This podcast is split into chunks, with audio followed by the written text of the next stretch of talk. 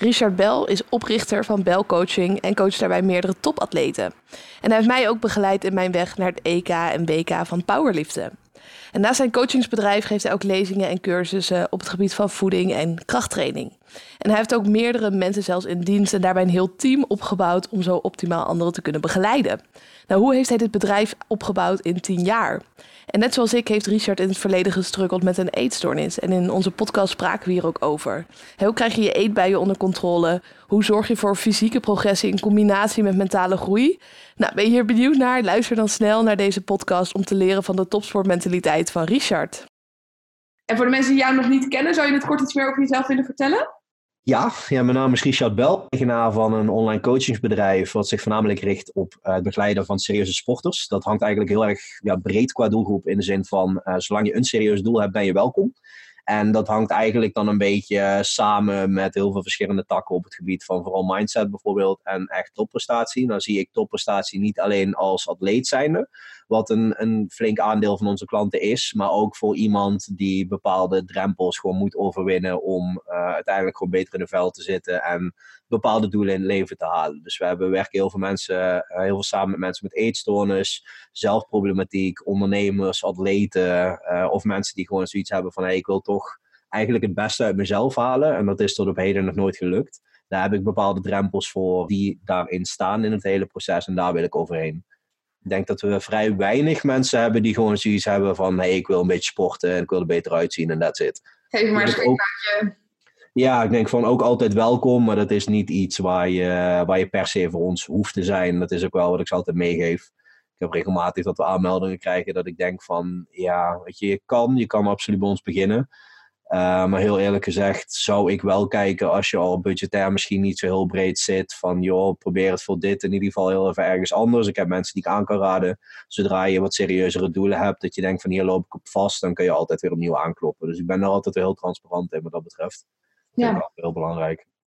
Um, daarnaast heel veel bezig met opleidingen. Dus mhm. heel veel bezig met uh, zowel professionals eigenlijk opleiden om meer uit zichzelf te halen en gewoon uiteindelijk kennis te verbreden. En voor de gemiddelde persoon eigenlijk gewoon hun kennis ook naar een hoger niveau uh, te gaan brengen. Ja, daar heb je de, de online cursus voor, toch? Met Menno Hesselmans. Ja, we hebben de Hesselmans PT-cursus. Die loopt in het Nederlands sinds 2016. Uh, dus je loopt nu een goede vier jaar. Dus eigenlijk gewoon elke ronde dat die blijft, uh, blijft groeien. Dus we doen het ongeveer twee keer per anderhalf jaar. Wat we nu uh, in groep aan het doen zijn. Dus ongeveer rond de 200, 240 man per lichting. Ongeveer allemaal online met acht praktijkdagen tegenwoordig. Zijn we wel weer aan het opschroeven dat we die praktijkdagen weer iets meer erbij kunnen doen. Gaat nu alleen lastig. Daarnaast online platform wat eind deze maand live gaat. Wat dan voornamelijk voor consument en professionals zal zijn. Zal heel gemixte content zijn daarbij. En we hebben een aantal eigen cursussen in ontwikkeld die later dit jaar live zullen gaan. Die zich voornamelijk richten op echt praktijkapplicatie daarbij. Ja, en ik ben ook heel benieuwd, hè, het punt waar je nu staat, heb je niet altijd gestaan. Hoe ben jij begonnen met, ik, ik wil helpen in fitnesscoaching? Het was denk ik toen nog niet zo'n booming business als nu. Of? Nee, het is best bijzonder als ik even terugkijk, want ik doe het nu iets meer dan tien jaar.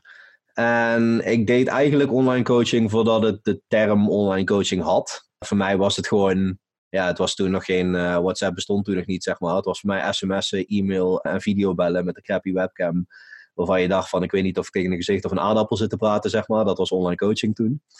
Uh, dat komt eigenlijk voor mij vanuit een verleden met uh, eetstoornissen en depressie in die zin. Dat is, ja, zonder heel veel detail mijn jeugd erbij te halen, vrij moeilijke jeugd gehad met mijn relatie tot mijn ouders vrij heftig tot een bepaald punt gekomen dat ik qua zelfbeeld heel slecht zat. Werd me ook altijd in mijn opvoeding heel erg erin gedrukt van uh, je gaat nergens komen in het leven, ondernemen is kansloos. Je, je moet maar accepteren dat je het minimale eruit kan halen. Waardoor ik heel erg zoekende ben geweest naar wat wil ik. Dat begon eigenlijk een beetje op de middelbare school tijdens mijn VWO, dat ik VWO of gymnasium kon doen. Waarbij eigenlijk werd gezegd van ja, weet je, doe maar VWO, is veilig. Dan weet je zeker dat je het haalt. Zo begon het. En dat ging eigenlijk gepaard met een verleden van pesten, wat een beetje doorsloeg naar een anorexia-periode van een paar jaar. Mm Wat daarna anorexia en bulimia werd. En dat is jarenlang is dat eigenlijk zo doorgegaan, waarbij ik in de fitness ben gerold. In het begin eigenlijk om die eetstoornis indirect te versterken. Ja. Uh, maakt het in het begin veel erger. In de zin van als je met anorexia induikt, die gaat nog heel extreem op je voeding letten. Je hebt de, de neiging om elke dag te gaan sporten. En in één keer voordat je het weet ben je niks aan het eten en sta je drie uur per dag sta je cardio te doen in de sportschool. Daar ben ik later gelukkig met een heel harde reality check van de sportschool-eigenaar wel doorheen kunnen komen. In de zin van het moment dat je zeg maar 17 bent en op 47 kilo staat en hij je, je shirt uit laat trekken midden in de sportschool en dat mensen je vol afschuw aankijken. Dat best wel een eye-opener als je zelf altijd denkt van met vel over been van ik ben dik, zeg maar. Ja, ja, en het was waarschijnlijk ook niet waar je voor trainde. Nee, absoluut niet. Het was voor mij echt zo'n soort van beeld van ik moet een sixpack hebben. Terwijl ja, je dan niet echt beseft van het is leuk en aardig, maar om zeg maar spierdefinitie te hebben moet je een bepaalde hoeveelheid spiermassa hebben.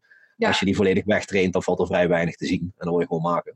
Dus dat is toen een heel harde reality check geweest. Toen ben ik ook eigenlijk vrij snel wel serieus aan de slag gegaan met voeding heel erg zoekende geweest in het begin van wat kan wel, wat wel niet. Helemaal niet naar basisprincipes gekeken, niks meegekregen over een energiebalans en dergelijke, maar gewoon eigenlijk van dieet naar dieet springen, van methode naar methode. Is eigenlijk wel heel nuttig geweest. In de zin van eigenlijk elk onzin dieet wat er bestaat, heb ik wel geprobeerd. Mhm. Van uh, acht keer per dag eten tot intervalvasten, tot South Beach diet, paleo, alles wat er zeg maar op en coming was, heb ik ergens geprobeerd. Nog een periode gehad met Sonja Bakker dieet en weet ik veel wat allemaal. Maar op die manier me heel veel gaan verdiepen in bepaalde dingen. En toen in 2012 of 13, weet ik even niet in mijn hoofd, toen op een gegeven moment geïnvesteerd in een coach voor het eerst. Om daar in ieder geval basisprincipes aan te leren en te kijken ja, wat gaat er nu eigenlijk al jaren fout. Die heeft me heel erg gestimuleerd toen om toch voor mezelf veel meer te gaan kijken van wat eronder zit. En ook zeker omdat hij wel een drang merkte tot daadwerkelijke groei. Uh, ik was op dat moment mensen wel al aan het helpen zonder dat ik, het, ja, dat ik iets voor vroeg, zonder dat ik er echt heel erg mee bezig was. Een trainingsvlak zat wel goed wat dat betreft. Daar had ik me wel in verdiept met voedingsaspect, nooit echt meegenomen. Dus toen begonnen steeds meer mensen in de sportschool eigenlijk te zien dat ik zelf heel erg veranderde. Dat eigenlijk dat hele oude proces, dat dat steeds meer normaal werd, dat dat werd goed getrokken. Dus daar kwamen steeds meer mensen die hulp vroegen. Uh, verschillende ja, fitnessinstructeurs, PT-opleidingen eigenlijk gaan doen om daar een basis te leggen. Toen heel veel autistisch, veel zelfstudie en heel veel opleidingstrajecten bij coaches eigenlijk doorlopen.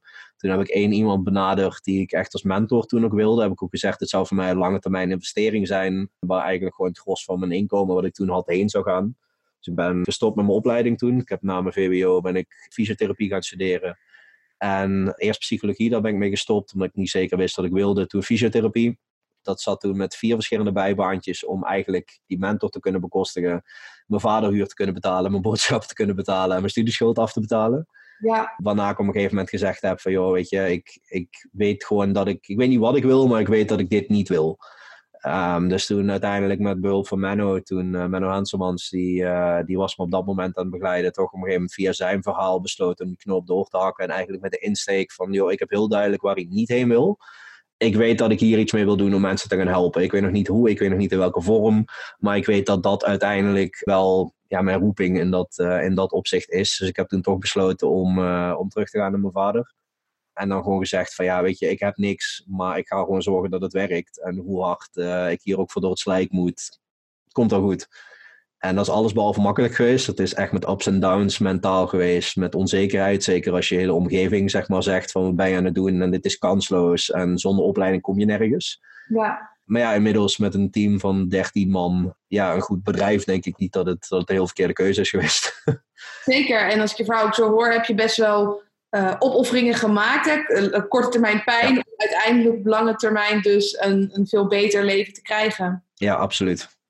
En die zei al van, ik had eerst drie bijbanen, ik wilde die coaching. Ik wist in ieder geval, dit was niet meer wat ik wilde. En ik merk vaak in gesprekken die ik met mensen heb, dat ze zoiets hebben, ja, maar hè, ik, ik, ik wil toch allemaal leuke dingen kunnen doen. En ik wil niet te krap zitten met mijn geld. Dus ik ga niet investeren in coaching. Hoe was dat voor jou? Was dat ook een afweging die je maakte? Of was het eigenlijk een no-brainer? Het is eigenlijk een dubbel antwoord in de zin van ik had wel bepaalde dingen die ik qua opleidingen wilde doen en bepaalde coachingstrajecten waar ik in wilde gaan. Van ik wist ik kan niet alles tegelijk doen en ik kan het niet allemaal dit jaar doen in die jaren toen. Waarbij ik eigenlijk direct ben gaan kijken van oké, hoeveel kan ik besparen? Dus ik heb gewoon heel veel dingen die ik thuis had staan, heb ik op marktplaats gegooid. Ik heb wat ik zeg, die meerdere bijbaantjes gehad. Uh, waarbij ik dan daarnaast nog dingen zwart probeer te doen met krantenwijkjes en dat soort dingen. Om toch te kijken van hey, is er een manier om dat proces te versnellen? Nou heeft dat in ieder geval wel ertoe geleid dat bepaalde dingen die ik als eerst deed, dusdanig een goede basis vormden dat latere dingen niet nodig bleken. In de zin van vanuit die basis ben ik steeds meer eigenlijk voor mezelf ook helder gaan krijgen van dit voegt wel iets toe, dit voegt niets toe. Of dit voegt op de lange termijn pas iets toe. En eigenlijk een soort van prioriteitenlijst afgegaan van oké, waar ik nu sta, wat is daar het belangrijkste voor? Dus met wie werk ik nu, wat doe ik nu, hoe wil ik dat verbeteren? En dan de rest waarvan ik zoiets had van dit zijn verdere uitbreidingspunten die gewoon op een soort van toekomstlijst gezet. Met dan een stappenplan. Dus eigenlijk als ik dit opleidingstraject inga of ik ga me op dit vlak bijscholen, dan zou een vervolgstap zou I zijn. Als I is gebeurd, dan zou dat Z zijn. Dat is eigenlijk een meerdere jaren traject getrokken. Dat is nog iets wat ik nog steeds doe. Dus ik, wat ik continu eigenlijk aan het doen ben voor mezelf elke maand is evalueren met oké, waar sta ik nu zowel voor mezelf als zakelijk qua ontwikkeling. Met wie werk ik en waar wil ik heen. En daar even kijken wat zijn daar verschillende tussenstappen. Wat draagt daar het eerst bij en wat zou dan een vervolgstap zijn die misschien net iets meer bijdraagt aan mijn persoonlijke interesse in plaats van wat er nu moet gebeuren om mijn huidige business te versterken en mijn huidige uh, kennis te verbreden daarin. Ja, dus je hebt eigenlijk gewoon toen al een lange termijn plan gemaakt wat je nu nog steeds aan het volgen bent. Ja, precies. En dat schaafje gaandeweg gaat het wel bijgeschaafd worden, maar in principe de hoofdlijn blijft eigenlijk altijd wel staan. Mhm. Met als grote voordeel dat de hoofdlijn eigenlijk een heel erg overkoepelend ding is. Dus gaandeweg merk je met doelgroepen dat je misschien net wat anders insteekt. Dat je net wat andere vormen ergens wilt, wilt indienen. Maar dat je wel een bepaald einddoel hebt van hé, hey, ik wil persoon X of Y worden. En daar horen deze aspecten bij en die wil ik gaan uitbreiden. Precies. En ik weet ook dat veel mensen struggelen met op hun eigen pad blijven. Er zijn zoveel afleidingen en heel veel dingen die, die cool zijn. Wat je ook zegt, hè? soms heb je persoonlijke doelen en businessdoelen. Hoe zorg je dat je toch die lijn blijft volgen en uh, ja, je op die lange termijn gericht blijft? Ik heb eigenlijk altijd heel helder van wat is nu de situatie? Wat zou die idealiter zijn over een jaar? Wat zou die over een aantal jaar zijn? Dus ik heb ook heel duidelijk in mijn hoofd niet alleen wat wil ik daadwerkelijk doen, maar ook wat wil ik vooral niet. Dat is eigenlijk wat ik met alles doe. Dus ik heb elke dag, elke week, elke maand niet alleen een to-do-lijst, maar ook vooral een what not to-do-lijst. Waarbij ik heel duidelijk zoiets heb van: oké, als ik begin van de maand een bepaald aantal doelen opstel, wat moet eerst, wat is secundair, wat komt daarna en wat is eigenlijk extra? Al het extra gaat meteen naar wat moet niet.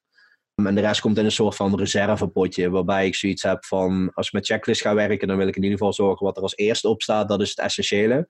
En als ik dat afgevinkt heb, ga ik pas door. Dus daar ook kijken dat je, als je het op die manier aanpakt, merk ik voor mezelf in ieder geval, en voor heel veel klanten ook, dan pak je ook sneller door met die andere punten, omdat je volledige focus op iets kan houden. Ik denk dat voor de meeste mensen eigenlijk het grote probleem is dat ze te veel te snel willen en met tegen dingen tegelijk bezig zijn waarbij je geen focus meer kan behouden. Waarbij als jij heel duidelijk iets gewoon met volle aandacht kan doen, wat ook in blokken ingedeeld is, want we hebben gewoon een bepaalde concentratiespan die we, die we maximaal hebben per werkblok of wat je het ook wil hebben.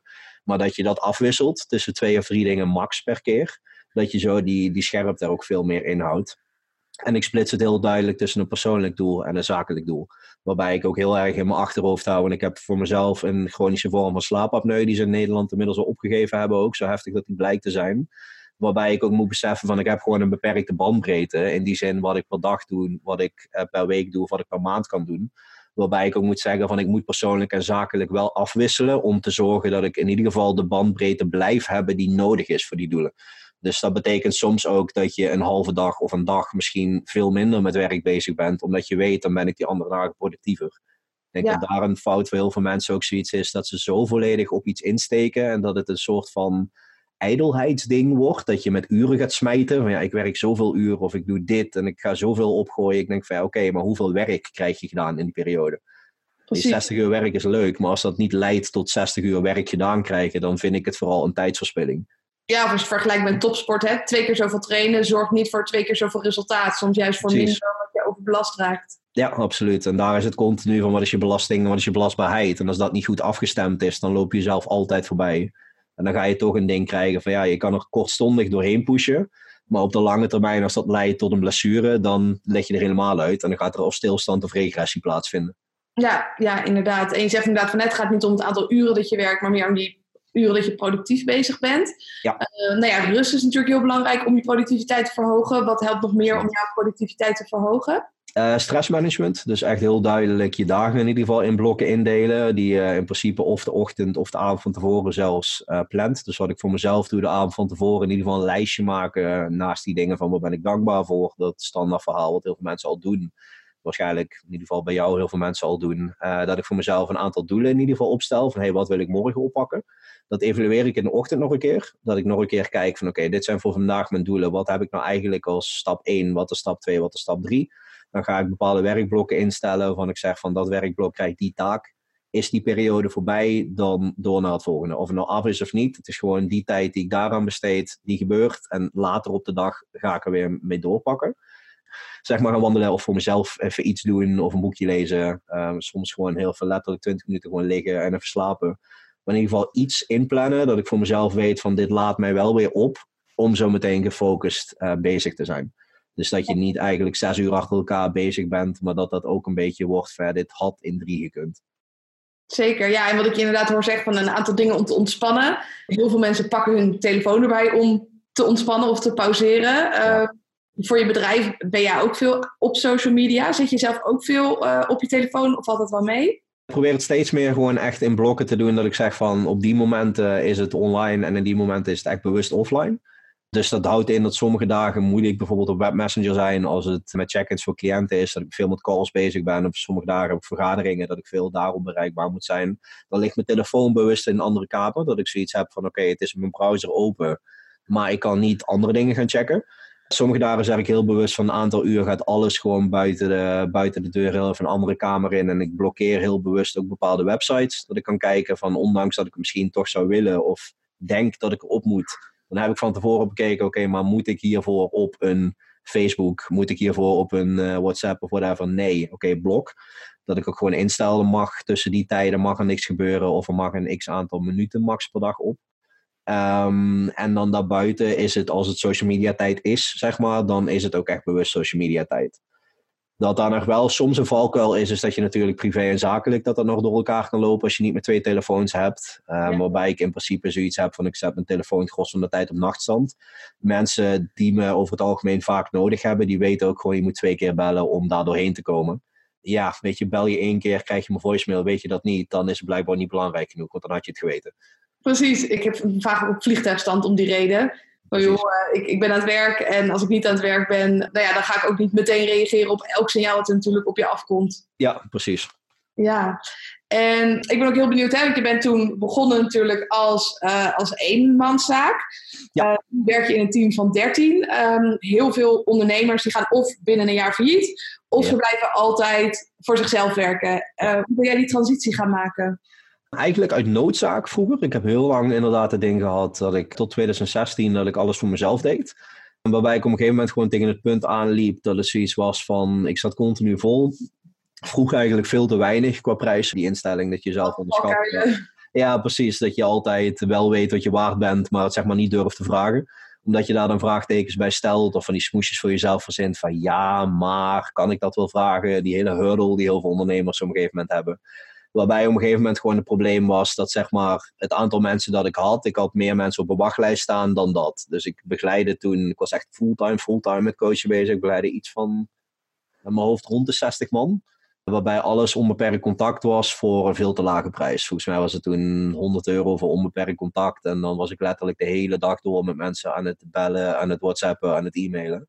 Ja, zoals dus je vaak verdien je lekker, maar als je kijkt naar hoe zien je dagen eruit... Uh... Dat was gewoon niet te doen. Nee, ik heb toen ook in mijn vorige relatie gewoon echt problemen gehad met mijn ex. Dat die op een gegeven moment ook echt zoiets zei van leg die fucking telefoon nu eens aan de kant en doe die laptop dicht, weet je wel. Ja. Dat op een gegeven moment gewoon niet ging of dat ik gewoon heel irriteerbaar was omdat ik gewoon echt kapot was na zo'n dag. En waarbij het op een gegeven moment zoiets was van oké, ik moet in ieder geval gaan herevalueren wat ik met mijn prijzen doe. En ik ben gewoon dusdanig veel bezig. Dat weegt gewoon niet meer op voor wat er voor terugkomt. Zeker niet met de groei-ideeën die ik heb. Dat was het stukje tijd. Dat het zoiets was van: oké, ik wil hierheen. Maar continu eigenlijk het grootste probleem en de grootste hurdle op de weg, dat ben ik zelf. Het is gewoon, ik was mijn grote blokkade op dat moment voor de groei. En dat het gewoon heel erg een probleem was van waar we het net over hadden qua tijd. Van ik was wel heel veel bezig, maar het zorgde er ook voor dat ja, hoe langer je bezig bent, hoe minder productief je gaat worden in die zin. Dus ik had ook mentaal heel erg het idee dat ik continu aan moest staan.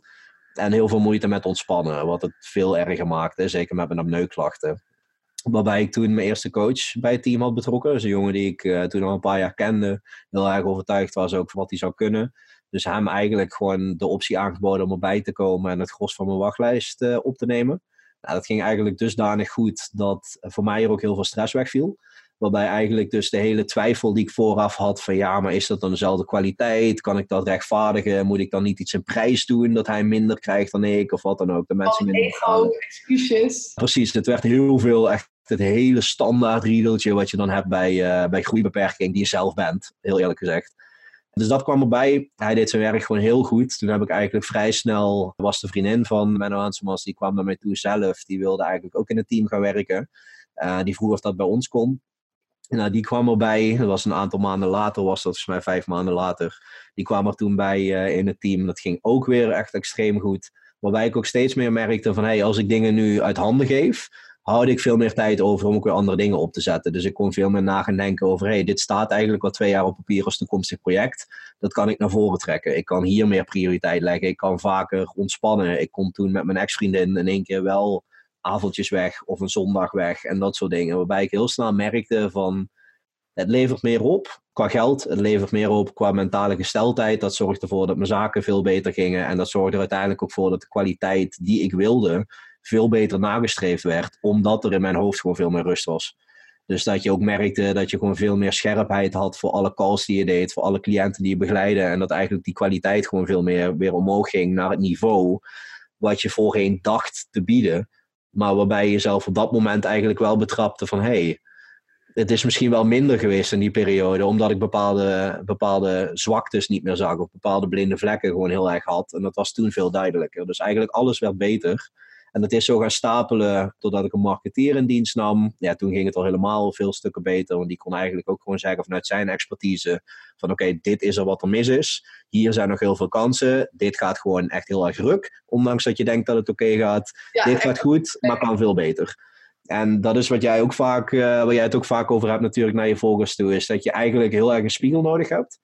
Ja. En waarbij voor mij het belangrijkste was dat ik een spiegel nam van iemand die er zo ver vandaan stond. Niet alleen qua niet in je team zitten in dat begin, maar ook niet per se direct hetzelfde werk doen. Dat scheelde heel veel. Want op coachingvlak merkte ik toch wel, ik heb een heel goede band met mijn team.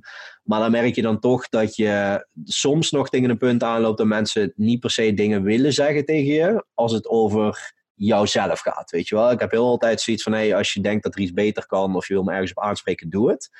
Maar dat ging dan een beetje mondjesmatig. Terwijl hij gewoon heel duidelijk ziet dat van: yo, gast, leuk dat je naar dit punt toe wil. Maar besef even, je staat hier, je wil daarheen.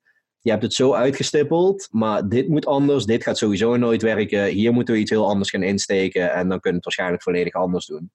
Dus ik heb toen ook tegen hem gezegd van, joh, weet je, je hebt volledig gelijk ik ga heel even afstand doen van het denken dat ik die dingen zelf kan bedenken. Het is jouw vakgebied.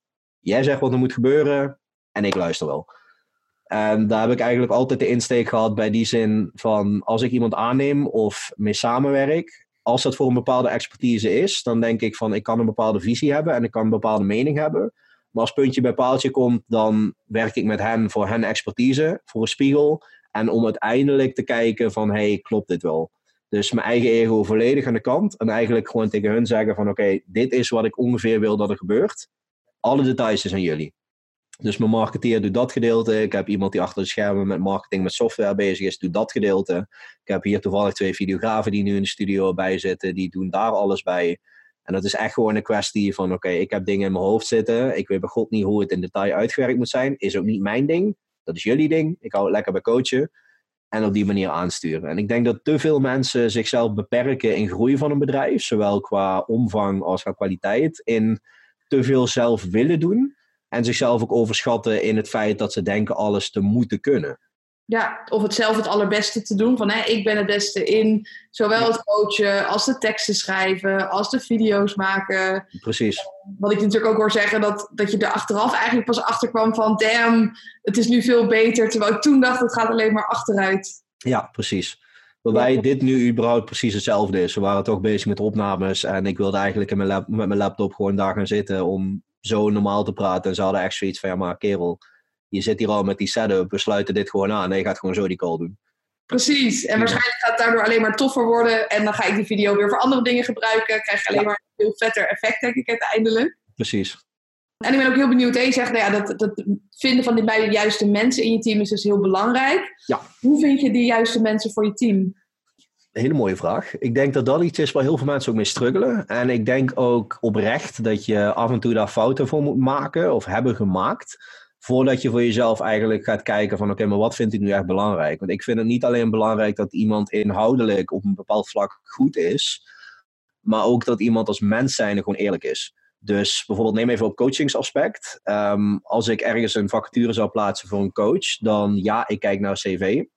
Maar ik wil eerder dat iemand een bepaald basisniveau heeft, waarbij ik weet van die kan ik laten groeien binnen bepaalde kaders, dat we daar een opleidingstraject voor hebben. Alleen daar zit gewilligheid tot groei. Er zit gewoon echt een ding in dat die mensen zelf willen groeien, zichzelf willen ontwikkelen en blijven ontwikkelen. Het is iemand die altijd eerlijk zal zijn. Dus als ik vragen ga stellen op een gegeven moment over hoe het bij vorige werkgevers was, dan wil ik mensen die gewoon en eerlijk zijn, maar ook vooral integer zijn. Dus als iemand zich vorige werkgevers volledig af gaat zeiken, dan is voor mij een heel grote rode vlag. Dat ik zoiets heb, in alles in het leven qua relaties gaat het van twee kanten. Niemand zit er altijd volledig juist. Maar ook dat mensen op een gegeven moment zoiets hebben van... ik ga bewust op een gegeven moment vragen stellen of bepaalde dingen aangeven... waarbij ik achteraf zeg van ja, maar dat gebeurt helemaal niet zo... omdat ik een reactie wil polsen. Dus dat ik wil weten van, hé, maar stellen zij ook bepaalde dingen voor zichzelf voorop? Hoe denken zij over het werken in een team? Uh, gaan zij op bepaalde dingen wel doorvragen? Dus als ik bijvoorbeeld iets aangeef of iets vraag waarbij ik weet, dit gaat waarschijnlijk niet zo goed vallen, en dat kan ik bij iemand zien, maar ik krijg toch het politieke correcte antwoord, dan ga ik daar meteen op doorvragen van oké, maar even heel eerlijk, wat is daar nu de reden van? En als iemand dat voor zichzelf blijft verbloemen, dan is dat voor mij ook een teken dat dat niet werkt. Maar ik wil heel erg mensen die gewoon zeg maar, hun basis voorop stellen. Dus die en leergierig zijn, die eerlijk naar zichzelf toe zijn, die in een team willen werken in plaats van het eigenlijk zien als een soort van verkapte loondienst. Dus dat ze denken, ik doe mijn werkzaamheden en that's it. Ik denk, ik wil ook echt mensen die voor een bepaalde visie gaan werken. Die open zijn in communicatie, in de zin van zowel werkzaamheden, maar ook kijken naar het aangeven wanneer er bijvoorbeeld privé iets speelt, waarbij ik weet van, hé, hey, misschien moeten we heel even wat minder doen deze week, of misschien kan je juist meer maar dat soort dingetjes, dus dat het niet continu als een heel strikte werkomgeving voelt, daar kan je natuurlijk voor kiezen. Maar ik vind op de lange termijn niet dat dat waarschijnlijk tot het beste resultaat uh, gaat leiden, want ze zijn tenslotte allemaal mens. En bij mij bijvoorbeeld voor mijn coaches, dat ik zoiets heb van ik wil dat jij een menselijk aspect altijd voorop hebt. De theoretische, daar kan ik je altijd in bijscholen. Je kunnen als PT'er kan ik je altijd in bijscholen. Dus ook altijd iets waarbij ik ook wil investeren in die coaches maar gewoon oprechte intentie om mensen te helpen en om daar iets toe te voegen aan iemands leven en daar ook zeg maar op in te steken, dat zit in je of dat, ja, dat bestaat niet. Je kan, je kan mij niet vertellen dat iemand ergens mee begint van ik wil geld verdienen en gaandeweg op een gegeven moment tot de ingeving komt van oh ja, maar ik wil eigenlijk iemands leven gaan verbeteren in die zin en het maakt me niet uit of ik daar nu iets voor krijg of juist extreem veel. Ik denk van dat uitgangspunt, zo begin je in deze branche. En als je dat goed doet, in mijn ogen, dan komt dat geld in dat opzicht komt later uiteindelijk vanzelf, omdat je gewaardeerd wordt op je waarde. Aannemende dat je die ook vraagt, maar dat is in ieder geval als ze bij het team komen iets wat wij voor ze doen.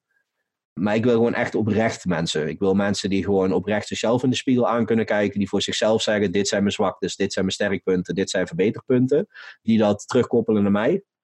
Die ook naar mij zeggen van hey, leuk dat je die ideeën hebt. Of leuk dat je deze bedrijfsvoering wilt hanteren, maar daar ben ik het niet mee eens, want dit en dit.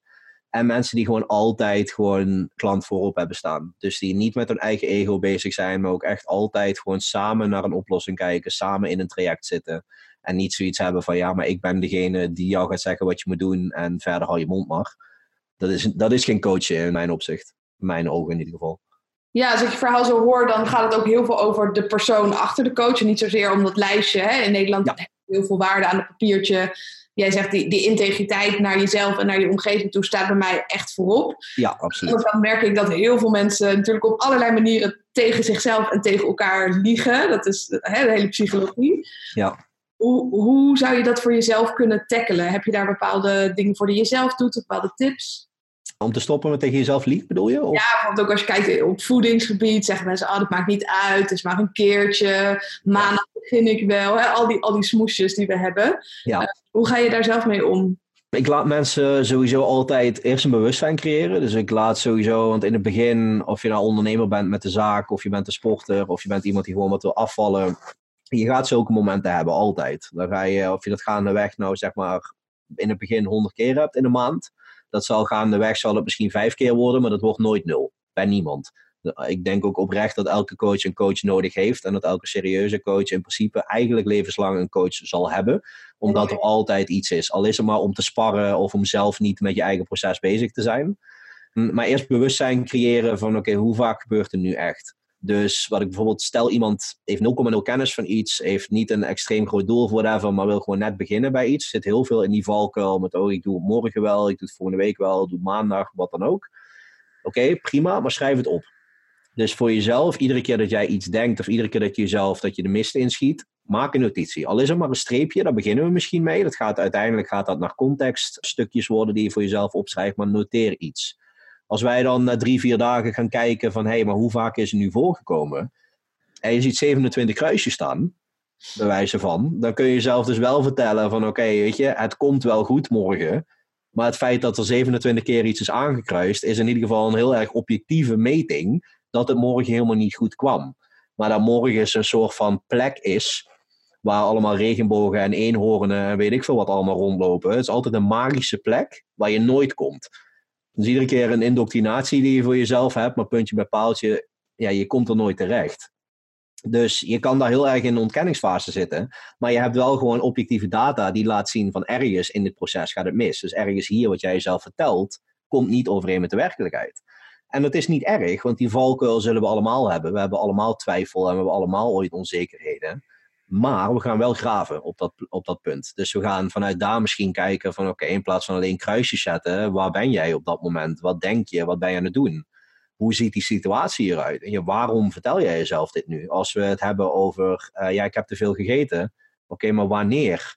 Wat gebeurde dat toen je op de bank zat en je verveelde je? Dus daardoor ging jij naar de kast lopen, ging je koekjes eten, ging je terug op de bank zitten en het gebeurde daarna nog een keer? Wat is daar de gewoonteloop eigenlijk die in, in beeld komt op een gegeven moment? Is dat dat jij denkt, oké, ik verveel me, ik zit een serie te kijken, maar ik verveel me eigenlijk. Dus ik ga maar naar de kast en ik ga kijken, hè, ik wil geen verveling hebben, dus ik ga iets uit de kast halen. Nou, ik ga dat eten in de hoop van dat ik van die verveling afkom. Dat heb ik mezelf verteld, maar eigenlijk tien minuten later verveel ik me weer en we gaan heel die gewoonte eigenlijk vormen op die manier door het proces continu te herhalen. Als dat zo is, is in de basis nog geen probleem. Maar we moeten wel die hele loop duidelijk kunnen hebben. Dus we moeten wel kunnen kijken van oké, dit is je, je cue, dit is je trigger op een gegeven moment. Dit is de gewoonte die je dan hebt, je gedrag.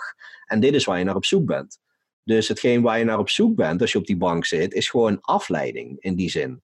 Maar dat betekent niet dat we dat volledig aan de kant toe schuiven. Je mag prima op de bank zitten en die serie kijken en je zal gerust een keer verveeld raken. Maar we willen dan naar een punt toe dat je niet die loop doorloopt met we gaan eten, want er zit eten in de kast. Nee, we gaan daar eens zorgen van, oké, in het begin zul je naar die kast lopen, maar daar zit er geen eten in. Dat je in ieder geval die confrontatie hebt met, oh shit, doe ik het weer. Alleen ik kan nu niet gaan eten om tot die beloning te komen. Oké, de bewustzijn van, oké, ik doe het nog een keer. Oh shit, dat is eigenlijk drie keer die avond gebeurd. Ik heb drie kruisjes staan. Prima. Dan gaan we vanuit daar even kijken van, dat gaat van drie, willen we dat naar twee hebben? Willen we misschien dan naar één? En op de lange termijn is het misschien drie kwart van de maand is het nul. En dan gebeurt het nog een keer. En dat is niet erg. Maar dan moet je voor jezelf wel kunnen zeggen: oké, dit is gebeurd. Ik weet waarom het zo is. Ik weet wat mijn valkuil is. Blijf een mens. Maar ik heb wel de tools om te kunnen zeggen dat ik kan zorgen dat het de andere 29 dagen van de maand dat het niet gebeurt. Of dat als ik het de mist in ga, dat ik er geen probleem van maak, wat heel lang in mijn hoofd blijft spelen. Fouten gaan we allemaal maken. Bedrijfsmatig, je gaat ooit investeringen doen die niet zo uitpakken. Je gaat ooit keuzes maken waarvan je achteraf denkt: oh shit, Weet je, deze crisis is hetzelfde. Dat heeft niemand aanzien komen. Ik heb ook net voor die crisis bepaalde beslissingen gemaakt qua investering, waarbij ik nu denk van, oh shit. Dat was niet heel gemakkelijk qua timing. Ja, weet je, zo so be it. Daar kan ik heel lang over na gaan denken van, oké, fuck, dat gaat dit en dit allemaal verpesten of dat gaat me zoveel geld kosten. Ik kan ook kijken van, oké, dat is op dat moment, voor die situatie, was dat een overwogen keuze? Was dat iets waarvan ik dacht dat het iets op zou gaan leveren? Nou, dat pakt zo nu niet uit. Of misschien in de toekomst was. Wat kan ik er nu van leren?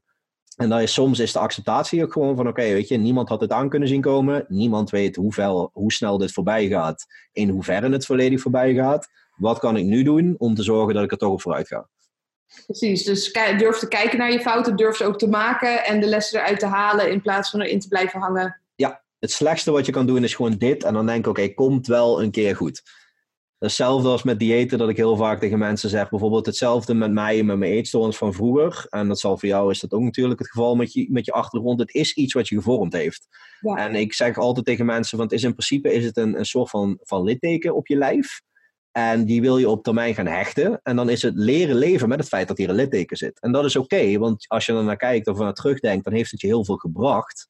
Maar misschien is het af en toe is het nog moeilijk. Want je denkt wel van oké, dat litteken vind ik niet heel mooi. En dat is prima. Maar dan wil je er niet aan gaan krassen. Dat als die wond niet helemaal geheeld is, dat die toch een klein beetje gaat scheuren. En dat je dan denkt van oké, plak maar pleisters. Want dan doe ik alsof die er niet bestaat. In plaats van gewoon dat ding laten helen. Denken prima dat littekens zitten. Maar dat is onderdeel van mij. En het is af en toe is dat oké, want het heeft dit misschien qua negatief effect gehad, maar het heeft me wel gevormd tot de persoon die ik nu ben en heel veel positieve aspecten opgeleverd.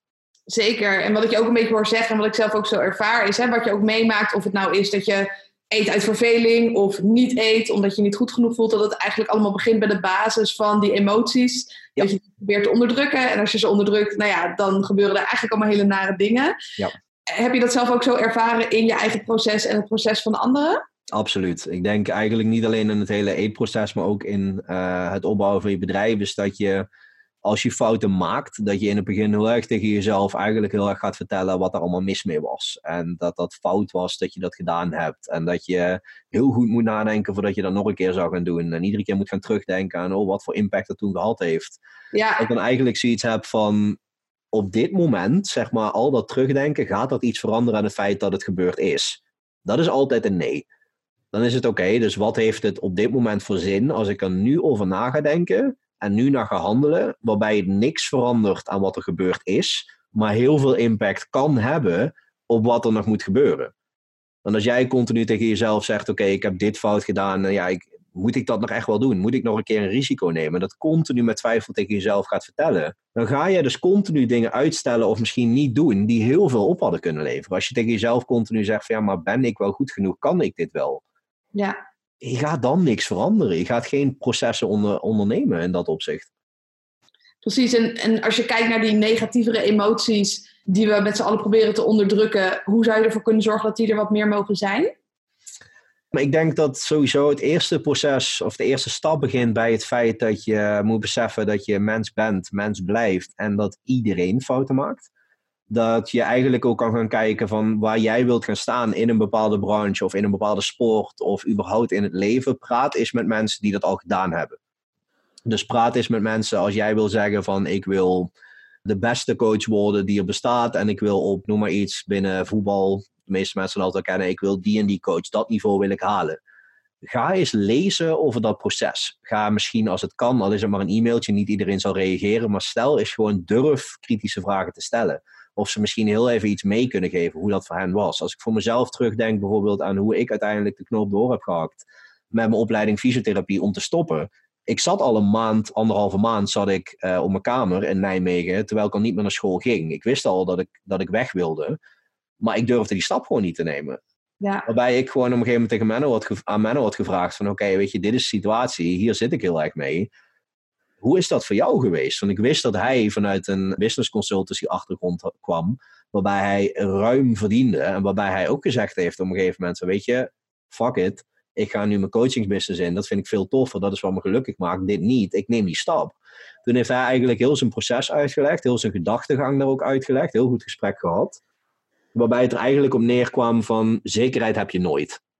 Wat je ook doet, zekerheid ga je nooit hebben. Je weet alleen dat wat je nu doet, dat dat is wat je niet wil. En dat weet je 100% zeker, want daar ben je al anderhalf maand mee bezig om jezelf te vertellen hoe klote dat wel niet is voor jezelf.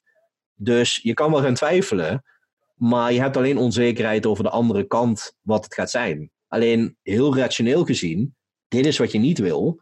Dus zelfs al zou je niet bij dat punt komen waar je heen wil, dan ben je er nog op vooruit gegaan omdat je geen tegenzin meer hebt. Erger dan dit kan bijna niet erger dan dat kan niet. En dat is ook echt de vraag die mensen zich mogen stellen bij het niet durven nemen van beslissingen. Van ja, wat is het ergste dat er kan gebeuren? En in heel veel gevallen zal dan het ergste wat er kan gebeuren, zal dan zijn, er verandert niks ten opzichte van waar je nu staat. Ja, je gaat misschien die groei niet hebben. Ja, je gaat misschien die prestatie niet leveren. Maar dan sta je gewoon nog steeds waar je nu staat. Dus zelfs al zou er maar een marginale sprong in zijn, wat misschien 10% is van waar je naartoe wilde, dan nog steeds ben je er 10% op vooruit gegaan. Is het nog steeds een netto voordeel? Er zullen maar heel weinig scenario's zijn en maar heel weinig dingen gebeuren die ervoor zorgen dat jij erop achteruit gaat.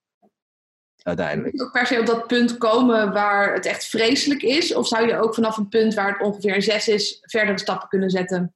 Uh, ik denk absoluut dat je met een zesje dat je vanuit daar juist heel erg goed kan springen. Ik zeg niet dat je rock bottom moet hebben om, uh, om te beseffen hoe erg zoiets is. Ik denk vooral als je merkt dat je voor jezelf het een onvoldoende of net een voldoende geeft. En je wil meer, dat dat altijd dezelfde insteek oplevert. En dan mag je het heel even terugvertalen naar school. Is je voelde je in principe altijd rot als je een onvoldoende had. Want je wist eigenlijk altijd dat hoe meer van zulke punten je zou hebben, dat je dan een soort van risico liep dat je niet zou slagen. Maar je wist ook dat een zesje, ja, daar ging je het mee redden. En dan kwam je misschien het gros van de tijd mee weg.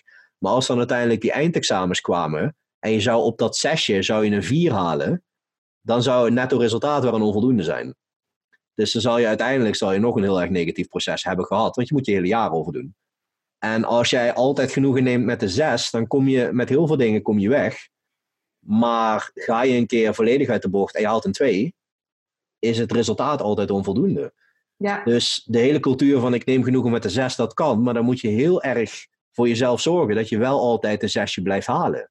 Terwijl als jij, ook al is er maar af en toe een 7, 8 en 9 haalt, dan heb jij veel meer speelruimte. En dan kan je soms ook zeggen, voor deze periode vind ik een zesje voldoende. Dat is prima. Zeker in de topsport, hè? Sport staat op, op, op nummer 1. En mijn eigen periode, ja, eh, andere dingen nou, met een 6 was eigenlijk voor mij een, een mentale 10 dan. Ja, absoluut. Ik heb zelf een cliënt die was voor de Olympische Spelen bezig. Ja, die zijn nu uitgesteld. Ja. Dat is vier jaar werk, waarbij nu doodleuk wordt gezegd de overmacht van, ja, jammer, gaat nu niet gebeuren ja, dan wordt het toch wel echt gewoon het besef van: oké, als jouw enige focus is geweest. Dat is bij ons gelukkig niet, omdat we daar continu mee bezig zijn geweest. Maar als jouw enige focus zou zijn geweest: ik moet presteren op die wedstrijd zelf. Dan is het enige waar jij nu op terug gaat kijken met vier jaar werk, is iets wat voor niks is geweest. Waarbij ik zoiets heb van: we hebben in die vier jaar zijn we heel erg bezig geweest met verbeteren. Maar we zijn ook bezig geweest met randvoorwaarden creëren die ervoor kunnen zorgen dat je altijd beter kan worden. Dat jij weet hoe je bepaalde dingen kan verbeteren. Dat jij niet zo gefixeerd bent op je sport dat je relatie eronder leidt. Dat je relatie met vrienden eronder leidt. Dat je dus eigenlijk zo erg op die prestatie zit. Dat het moment dat jij geblesseerd raakt, of het moment dat zoiets als dit gebeurt, dat je dan denkt: oké, ik heb niks en ik val in een zwart gat. Ja, het stort hele kaartenhuis stort in elkaar. Want de basis gaat er gewoon niet. Ja, precies. En ik heb dat, zie dat heel veel met klanten terug, met bijvoorbeeld binnen het bodybuilder waar ik mee werk, die met de insteek komen: ik wil die wedstrijd doen. En dat als enige doel hebben. Waarbij ik dan zoiets heb van oké, maar je gaat een soort van post-show blues periode in straks, zeg maar. Er komt soort van, je hebt een tunnelvisie nu. Er komt het einde van die tunnel. En ineens is er overal weiland. En alles kan, alles mag en er is nergens een weg. Als je maar een keer doorloopt. Dus ik denk van oké, maar dan gaat er zoveel mis. Want je kan nog steeds op dat weiland terechtkomen. Maar het is wel handig als jij in ieder geval een soort van route hebt dat je weet hoe je wel efficiënt naar iets gaat navigeren. Dus na die wedstrijd wel leert flexibeler met dingen te zijn, maar niet uit de bocht te schieten en in één keer je progressie van maanden weg te gooien. Of in één keer niet meer normaal met eten om kunnen gaan, of niet meer normaal met sociale gelegenheden omgaan, omdat je nog steeds in die mindset zit van of ik mag niks, of in één keer van alles mag en dan problemen krijgen. Want als jij helemaal beperkt bent in je voeding en wat je wel of niet doet, en je gaat daarna denken, we gaan 180 graden omslaan, zelfbeeldproblemen die er ontstaan omdat je jezelf in één keer heel snel erg dik ziet worden. Relatieproblemen die er gaan ontstaan omdat jij in één keer volledig de andere kant uitschiet en denkt ik moet alles gaan proberen. Zelfbeeldproblemen die komen omdat je jezelf veel dikker ziet worden in de spiegel. Uh, en dan dat koppelt aan niet meer normaal willen eten. Omdat je continu zit van ik ben ontevreden met mezelf. Dat moet ik compenseren compenseren, dat lukt niet omdat het te veel als beperking voelt, waardoor je meer gaat eten en nog een keer die spiegel in kijkt en denkt, ja zie je wel, ik faal continu. Ja, ja je komt heel erg in die negatieve loop en je zegt, nou ja, een manier om eruit te, om, om de, of eruit te komen of ervoor te zorgen dat je er überhaupt niet in komt, is hou niet al die ballen mega hoog, maar zorg wel dat je één bal heel hoog houdt en de ander in ieder geval gemiddeld. Ja, precies. Om terug te vallen.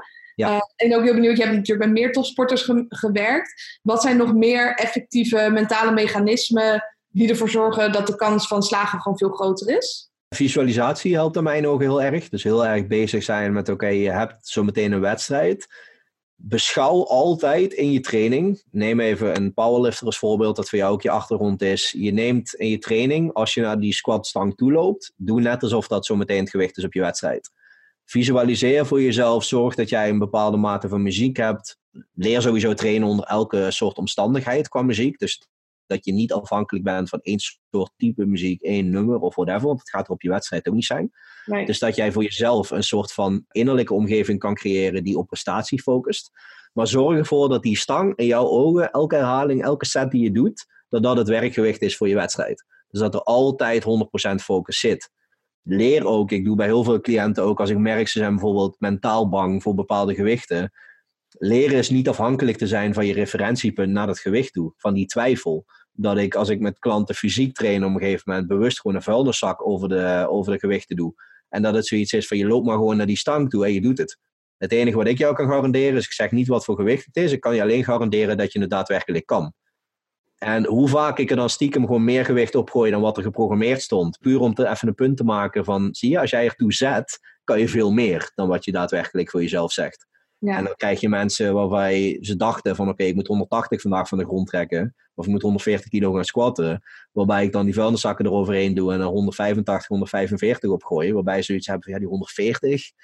Ja, dat, gaat wel, dat zit wel echt tegen mijn max. Ik weet niet of dat vandaag gaat lukken. Waarbij ze dan met die 145 of met die 185 in één keer zoiets hadden. Of nee, ging lekker. Dan ja. doe je de vuilniszakken eraf en dan is zoiets van ja, dat is veel meer dan wat je dacht dat niet zou lukken überhaupt. Precies. Ik heb toevallig afgelopen week ook nog een post over geschreven over die 100 kilo bench voor de vrouwen. En dat vind ik heel mooi. Ja. Katelijn heeft natuurlijk ook 100 gebenched nu. Ja. Maar ik was de tweede vrouw in Nederland die meer dan 100 kilo op wedstrijd benchte. En nou ja, alleen Ilja die had het natuurlijk nog gedaan. Ja. Maar als je dan gaat geloven dat het mogelijk is. Nou ja, nu zien mensen dat het mogelijk is. Dus gaan ze het ook meer doen. Ja. Maar hoe prachtig die, die mindset daarin eigenlijk ook is. Ja, en ook in dat voorbeeld denk ik altijd van je kan dan die beperking jezelf ergens mentaal opleggen. En dan kun je zelfs nog zeggen van oké, in mijn branche, in dit land, is het zoveel keer maar gebeurd. Dan denk ik van oké, dat is leuk, maar Europees gezien, wereldwijd gezien, hebben veel meer mensen dat gedaan. Dus het feit dat er mensen zijn die het onder veel slechtere omstandigheden hebben kunnen doen dan wat jij jezelf aanpraat, of de beperking die jij jezelf oplegt, is altijd een bewijs dat jij het ook zal kunnen. En dat is absoluut niet het ding wat sommige mensen dan ooit hebben. Dat is iets is van als je maar graag genoeg wilt. Ik denk soms is het een, een timingsding. Soms moet je een zekere mate van geluk hebben. Maar je kan wel altijd verbeteren. Weet je, ik kan voor mezelf gewoon zeggen: ja, als ik maar graag genoeg wil, dan ga ik in de NBA ga ik het niveau van Michael Jordan halen. Mm -hmm. En dat is leuk, maar dan kom ik zeg maar minimaal 30 centimeter in mijn lengte tekort. Ik ben geen 2 meter 10, zeg maar. Daar gaat al een probleem ontstaan. Ik heb genetisch gezien zijn ding niet. Ik heb niet de mogelijkheden om met zoveel training bezig te zijn en misschien de middelen om in zo'n netwerk te zitten om daar uiteindelijk voor uitgenodigd te worden voor bepaalde dingen. Want we hebben zo'n basketbalstelsel met schoolstelsel in Nederland niet. Ja, dat zijn beperkingen waar je nou eenmaal tegen zit. Maar ik zou wel kunnen zeggen, ik ga proberen de beste basketballer te worden die ik zou kunnen zijn. Ja, dus echt dat maximale gewoon uit jezelf halen in plaats van je vergelijken met anderen. Precies. En dat zou altijd beter zijn dan waar ik op dit moment nu zou staan als ik probeer te dunken of ga proberen een basketbal van uh, eh, 10 meter afstand te gooien. Want die gaat er finaal langs. Dus het feit dat hij er überhaupt in zou gaan, dat zou wel een hele verbetering zijn. Zeg. Ja, dat is al winst.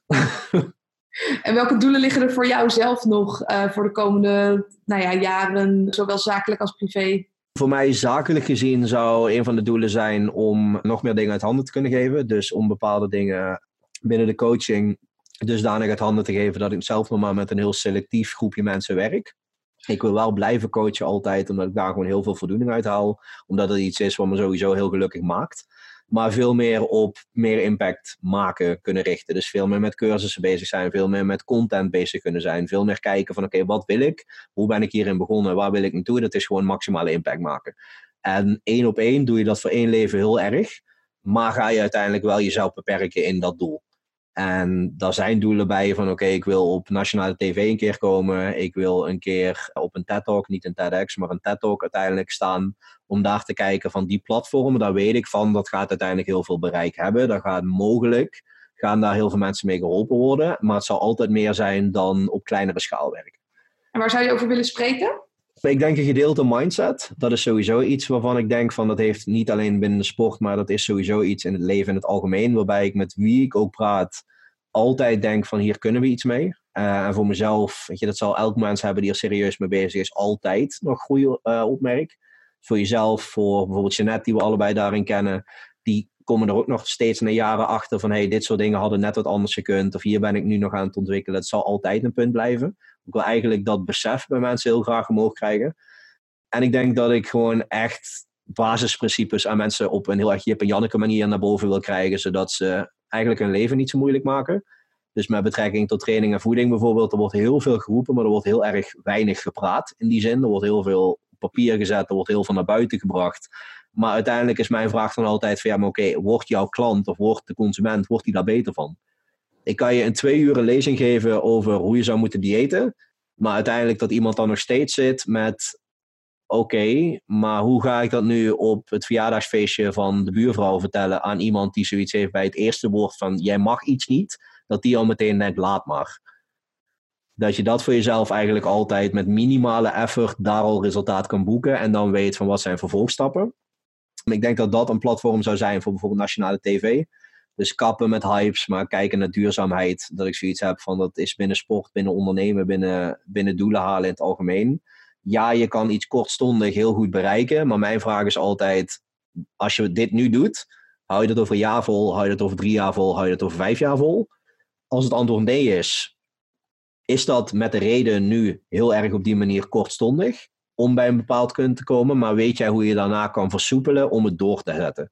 Want resultaat op korte termijn boeken kan iedereen. Iedereen kan heel veel afvallen. Dat zou letterlijk een ding zijn van eet minder, val af, zet dat door. Maar daarna wordt het een ding van oké, als je bij dat doel bent, kun je het behouden. Neem een wedstrijd bij bodybuilders voorbeeld. Je gaat naar een podiumdoel toe. Je gaat in een shape staan waar je de rest van je leven nooit meer gaat komen. Behalve als je nog een keer naar zo'n wedstrijd werkt. Ten eerste, ga je dat kunnen accepteren voor jezelf? Is dat beseffer? is dat besef er zonder schaamte, zonder zelfverwijt. Maar vanuit daar kan ik met alles wat ik geleerd heb, hopelijk, tijdens dat proces, ervoor zorgen dat ik rustig mijn dagen door kan komen, terwijl ik nog steeds naar feestjes kan. Nog steeds af en toe een drankje kan doen als ik wil. Nog steeds dagen kan zeggen dat ik denk van ik ga lekker pizza bestellen, want ik weet dat het me geen stress oplevert. Dat je gewoon eigenlijk weer gaat leven, maar niet bezig bent met oh shit, mijn lijf. Want je weet hoe je schade kan beperken, maar je weet ook dat als er iets misgaat, dat je het kan corrigeren en dat het niet zoveel moet wegen in je hoofd. Precies, ja, je hebt zeker als bodybuilder, maar ik denk ook als powerlifter en sporter in het algemeen, je hebt al die kennis, die gebruik je voor je laserfocus en dan is je wedstrijd voorbij. Nou ja, wat dan? Je ziet dat heel veel sporters helemaal stoppen. Ja. Um, nou ja, ik, ik, train ook nog steeds en ik, ik merkte zelf ook dat het wel lastiger was om het te accepteren maar gelukkig hè, met een sterke mindset helpt het wel heel erg om het door te blijven zetten. En ook niet gek veel aan te komen, gek veel slapper te worden. Ja. Wat helpt daarin, denk je, los van die andere pijlers, die andere ballen die je nou ja, dan op een zes hebt? Wat helpt dan om niet de handdoek in de ring te gooien en te denken, nou ja, laat maar? Ik denk ergens ook wel het echt ervaren. In de zin van er zal altijd bepaalde mate van, uh, van onzekerheid en van twijfel zijn. En ik denk dat je soms ook dingen gewoon over je heen moet laten komen. Dus ik denk bijvoorbeeld dat deze hele situatie met corona, die is natuurlijk heel erg vervelend. Maar ik denk dat het voor heel veel mensen ook een eye-opener is met sporten bijvoorbeeld. Van hé, hey, ik kan eigenlijk best veel doen qua mogelijkheid. Ik heb niet per se al die apparatuur in de sportschool nodig. Maar ook van, hey, als ik minder train, of dat nou tijd per sessie is of sessies in het algemeen, ik raak eigenlijk niet zoveel of niks kwijt. Dus sommige mensen hebben heel erg, zeker als je met serieuze doelen bezig bent, heel erg die tunnelvisie van meer is beter. Terwijl dan altijd het ding al is van waarschijnlijk is iets minder, maar kwalitatiever ingericht, zal beter zijn omdat je meer bandbreedte overhoudt. Maar waarschijnlijk is het ook een ding dat je met veel minder weg kan komen en dan nog steeds niet op een negatief punt zit. En als jij nu merkt van hé, hey, met uh, drie, vier keer in de week trainen verlies ik niks en ik zet me eigenlijk zoveel beter in tijdens die sessie dat ik veel gefocuster ben en veel scherper ben dan met die zes keer in de week. Ik kan meer bereiken. Dat je mensen hebt die bijvoorbeeld continu met hun uitgaven bezig zijn met hey, ik hou niks over en ik kan niet sparen. En ik moet per se dit en dit aan producten kopen. Terwijl ze dan nu zitten van oké, maar als ik juist eens ga kijken, er komt minder binnen. En ik ga budget shoppen. Ik ga online mijn eten bestellen. En ik ga gewoon echt in plaats van overal het duurste merk te moeten hebben ik ga gewoon eens voor het huismerk of ik ga voor een goedkopere variant van iets. Hé, hey, dan hou ik in één keer 500 euro over. Hey, die 500 euro die ik overal op maandbasis vanuit mijn boodschappen kan ik investeren in iets waarvan ik van tevoren zei, daar heb ik het geld niet voor. Of ik kan 500 euro extra opzij zetten. Ik denk dat het voor heel veel mensen echt wel een wake-up call kan zijn van er is zoveel meer mogelijk dan wat je van tevoren zelf dacht. Alleen je hebt nooit die stap genomen omdat je in een bepaalde tunnelvisie zat en voor jezelf afgekaderd had. Waarbij je nu eigenlijk geforceerd uit die bubbel moet komen. En in één keer denkt van er is zoveel meer om mij heen wat ik nu wel zie. Waarbij je in één keer zo door kan pakken. En ik denk ook voor veel bedrijven, neem bijvoorbeeld de sportbranche als voorbeeld. Ik heb heel veel klanten gehad waarbij ik al heel lang altijd zei die fysieke PT doen. Er zijn hier mogelijkheden voor online componenten of online aanvullingen. Waarbij ze altijd zeiden van ja, maar dat heeft nu niet mijn prioriteit. Of ja, dat is misschien niks voor mij. Nu geforceerd zijn om dat te gaan doen. En dan nu in één keer op zijn punt zitten dat ze denken van oké, shit, je had gelijk. Sterker nog, ik ga iemand erbij zetten straks die het online gedeelte volledig gaat oppakken. Dus dan is het van, ik durf dit niet en ik denk niet dat het iets toevoegt. Is het in één keer omgeslagen naar, ik heb tijdelijk minder verdiend, maar ik ga alsnog investeren in dit, want ik weet dat het me uiteindelijk meer oplevert. Precies, en nu worden we geforceerd om uit die comfortzone te gaan.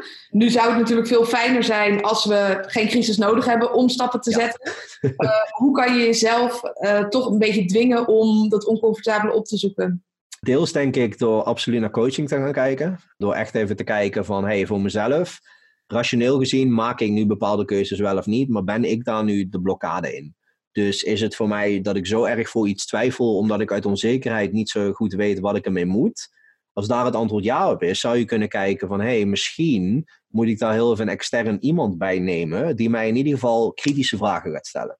Dus misschien niet de oplossing in het begin heeft, maar wel kan vragen van oké, maar waarom doe je dat dan niet? Of heb je wel over dat andere scenario nagedacht?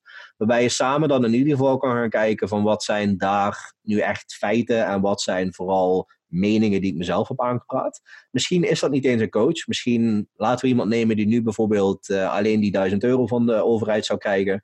Uh, die misschien normaal gesproken net ontslagen is, een omkeer wil maken naar een eigen business. Die heeft 1000 euro om rond te komen, maar dan gaat al 900 euro gaat naar huur. Dus die gaat van het minimale leven en die houdt echt letterlijk misschien 10 euro over of helemaal niks. En die kan misschien niet investeren in een coach, maar die kan wel kijken van hey, als ik bepaalde kennissen heb in mijn netwerk, of ik heb bepaalde vrienden, of ik heb een partner waar ik mee kan sparren, waar ik gewoon echt eens even kan zeggen van oké, dit is waar ik nu sta. En eigenlijk wil ik hierheen, maar dat durf ik niet, of dat doe ik niet. Laat die persoon gewoon echt eens vragen stellen en ga eens opschrijven, ga uitschrijven. Ga echt iemand hebben die voor jezelf, die bij jou gaat zitten en die gewoon de tijd voor je neemt door echt eens te vragen van ja, maar hoe zit het nu echt? Heb je al over dit nagedacht? Waarom denk je alleen maar over dit na en niet over het alternatief? Maar echt even dat je dat bewustzijn creëert, wat je dan misschien samen moet doen om het voor jezelf te kunnen doen. Want mhm. uiteindelijk denk ik, op elk vlak in ons leven zijn we zelf onze grootste blokkade. Omdat we altijd vanuit een bepaald referentiekader handelen, wat gevormd wordt door heel je opvoeding en alles wat je mee hebt gemaakt. Wat bepaalde dingen heel makkelijk heeft gemaakt en bepaalde dingen heel moeilijk heeft gemaakt. En om dat in te zien, denk ik eigenlijk wel dat iedereen er altijd een zekere mate van hulp bij nodig heeft. En dat is voor sommigen is dat een boek lezen over dat onderwerp. Voor sommige mensen is dat een bepaald gesprek binnen je netwerk. En voor sommige mensen zal dat per se coaching moeten zijn. Ik denk dat alle drie dat die heel veel waarde kunnen toevoegen. En dat je voor jezelf moet beoordelen waar begin ik. En wat is het voor dat moment niet alleen waard, maar ook wat is slim. Want laten we heel eerlijk zijn, als jij 100 euro te besteden hebt en je blijft 500 euro uitgeven, vroeg of laat is je spaargeld ook op. Dus dan moet je kijken van misschien moet ik heel even een periode die 100 euro sparen. Om daarna die uitgaven te kunnen doen voor minimaal twee maanden. Als ik een jaar gespaard heb bijvoorbeeld. Zodat ik er in die twee maanden zo efficiënt mogelijk gebruik van heb kunnen maken. Maar ik kan nu wel een boek lezen van 10 euro. Of artikelen of een blog lezen. Precies, podcasts zijn gratis, artikelen websites zijn gratis, blogposts zijn gratis. Er is zoveel meer mogelijk als je weet hoe je moet zoeken en blijft zoeken in dat opzicht. Precies, en ik merk daarin zelf, daarom informatie is maar een heel klein aandeel. Vooral dat zelf doen, hè? Dat, dat stukje van theorie naar praktijk, dat dat eigenlijk nogal belangrijker is. En daarom ook dat coaching zo belangrijk is. Maar in ieder geval, als je dat niet kan veroorloven of je hebt geen mensen in je netwerk, zeg je begin dan bij dat, dat stukje informatie wat je in ieder geval hebt. Ja, en ik denk zeker tegenwoordig, weet je, we hebben internet continu ter beschikking. Je kan nooit meer het excuus gebruiken van, ja, maar ik kan er geen tijd voor maken. En ik denk, weet je, al is het maar dat jij tien minuten op de wc zit. Sommige mensen maken er een half uur van, daar heb ik dan vraagtekens bij wat je doet. Maar vroeger las je de Donald Duck, bij wijze van. Nu kan je ook in die tien minuten in ieder geval heel even een deel van de podcast luisteren. Of een deel van dat artikel lezen. En dan doe je er misschien vijf keer over. Maar dan heb je hem uiteindelijk wel geluisterd. Het hoeft niet altijd meteen een volledige rek te zijn. Het hoeft niet meteen all-in te zijn. Het kan ook stapsgewijs om uiteindelijk nog bij dat ding te komen. Ja, dan duurt het wat langer. Maar je komt er in ieder geval. In plaats van te zeggen, ik heb de tijd niet, dus ik schuif het maar vooruit. Want dan ga je er sowieso niet komen. Precies, precies. Vaak zeggen mensen van, nou ja, het heeft toch helemaal geen zin. Hè? Ik, ik sprak laatst met iemand en die zei, nou ja, ik, ik, kan niet sporten, maar dan ga ik ook niet wandelen, want dat is zo laag qua intensiteit, dan beweeg ik maar helemaal niet. Maar ja, Ja, dat precies. is wel beter. Ja, precies. Ja, en nee, er zitten in ieder geval nog heel veel doelen voor jou voor de toekomst. En ik ben ook benieuwd als je zo terugkijkt. Ze zeggen vaak, je hebt geen succes zonder tegenslag. Wat zie jij als tegenslagen van de afgelopen jaren? Dat zie ik als tegenslag van de afgelopen jaren. Ik denk wel misschien twee periodes gehad dat het te veel doorwerken is met te weinig ontspanning, wat tot een burn-out slash depressie heeft geleid. Wat een periode is geweest die voorkomen had kunnen worden door meer aandacht op ontspanning te plaatsen en meer, minder aandacht op iets moeten. Wat vervolgens ook weer samen heeft gehangen natuurlijk met het hele feit van eh, prioriteiten voor jezelf opstellen. Ik denk misschien sommige vlakken ook even voor jezelf bekijken, minder egoïstisch zijn in privéleven. Dus minder bezig zijn als je kijkt met die, die work-life balance, zeg maar, privé-zakelijk gezien, dat je privé soms echt wel wat hoger moet plaatsen en dat zakelijk er niet per se onder zal lijden. Wat bijvoorbeeld gewoon bij mij op een gegeven moment een issue is geworden, dat privé eronder ging lijden, omdat ik zakelijk zo goed ging, dat dat steeds meer de overhand nam. Terwijl het zoiets was van, oké, maar privé ging het in mijn relatie niet zo lekker. En daar heb ik bepaalde dingen gewoon op een gegeven moment niet gezien, omdat daar de focus gewoon niet 100% op lag. Wat daarna weer als periode heeft geleid dat je daarna een hele periode slechter in je vel zit en ironisch genoeg weer minder zakelijk presteert, omdat je gewoon te veel in je hoofd bezig bent. Dat je denkt van, oh, het gaat lekker zakelijk, ik ga gewoon lekker veel doen. Privé, nou, komt wel. Ja, en dan valt precies. dat weg. En dan net zoals die topsporters, hè, waarbij de Olympische Spelen wegvallen, dat eigenlijk het hele kaartenhuis in elkaar stort. precies. Ja, Altijd de bigger picture gaan bekijken en altijd zeggen, oké, van bij alles wat ik doe, wil ik het goed doen of niet, in die zin. En dan is goed betekent niet 100% erin, maar goed betekent wel, bij elk aandeel wat ik het geef, elk percentage wat ik het geef of juist ontneem, is wel bekeken hoe past dat in het grote geheel. En dan is 100% is gewoon goed in mijn eigen vel zitten. En dan is misschien soms 90% op het een, 10% op het ander. En dat zal de andere week zal dat in één keer helemaal omslaan. Dat zal meer gemiddelde zijn. Maar het is wel altijd een dynamisch proces. En dat je niet altijd kan zeggen van oké, het is een investering nu. Wat ik heel veel mensen altijd hoor zeggen, ja, tijdelijk investeren in tijd of in geld. Maar dat dat eindpunt steeds meer verlegd wordt. En dat dan zoiets is van ja, oké, dat is leuk. Maar dit roep je nu al twee jaar. En het is nog steeds niet gebeurd. Mhm. Ja dat het ook een soort van uitstelgedrag kan zijn. Precies. Ja, en je zegt ook van die, die rust heeft gewoon meer prioriteit gekregen. En ik weet van veel mensen dat rust soms een beetje ondergesneeuwd raakt. Want je to-do-lijst spelt uit en er is zoveel te doen. En stel je ook nog eens uit, waardoor je to-do-lijst alleen maar langer wordt. Wat hielp jou, of het helpt jou nu om rust tot prioriteit te maken? Sowieso de ervaring dat als, je, als ik het niet doe, dat het gewoon echt negatieve effecten heeft. Maar echt ook gewoon het plannen. Dus echt gewoon kijken van oké, realistisch gezien, zoveel tijd heb ik op een dag. Ik heb liever te weinig taken dan te veel, omdat het fijner is om een checklist af te kunnen vinken dan om iets continu door te moeten schuiven. Dus voor elke zoveel uur dat ik werk, wil ik ook zoveel uur wil ik ontspanning. En dat betekent soms als ik denk van het gaat lastig in het begin van de dag, omdat je misschien met calls zit, met tussendoor je werk en dan dat dat een beetje stroef loopt door planning op dat punt, dat ik dan zeg vanaf een bepaalde tijd doe ik sowieso niks meer. Dus bijvoorbeeld instellen van ongeacht hoe mijn dag loopt, vanaf 8 uur alles aan de kant en gewoon ontspannen. Ja, die grenzen gewoon keihard stellen voor jezelf. Precies. Ja. Nou, hartstikke bedankt. Ik denk dat er echt super veel waardevolle content in zit. Ik- Bedankt ook voor dit. Vond het heel tof om, eh, om ook te doen. Is goed. Hey, fijne dag. Fijne dag nog hè. Doei. Hartstikke leuk dat je naar deze podcast hebt geluisterd. Mochten we nog niet connected zijn, volg me even op Instagram, @isabellelifts of download even mijn gratis e-book met meer dan 50 tips over mindset via isabelleveteris.com. En ik hoor ook heel graag wat je van deze podcast vond.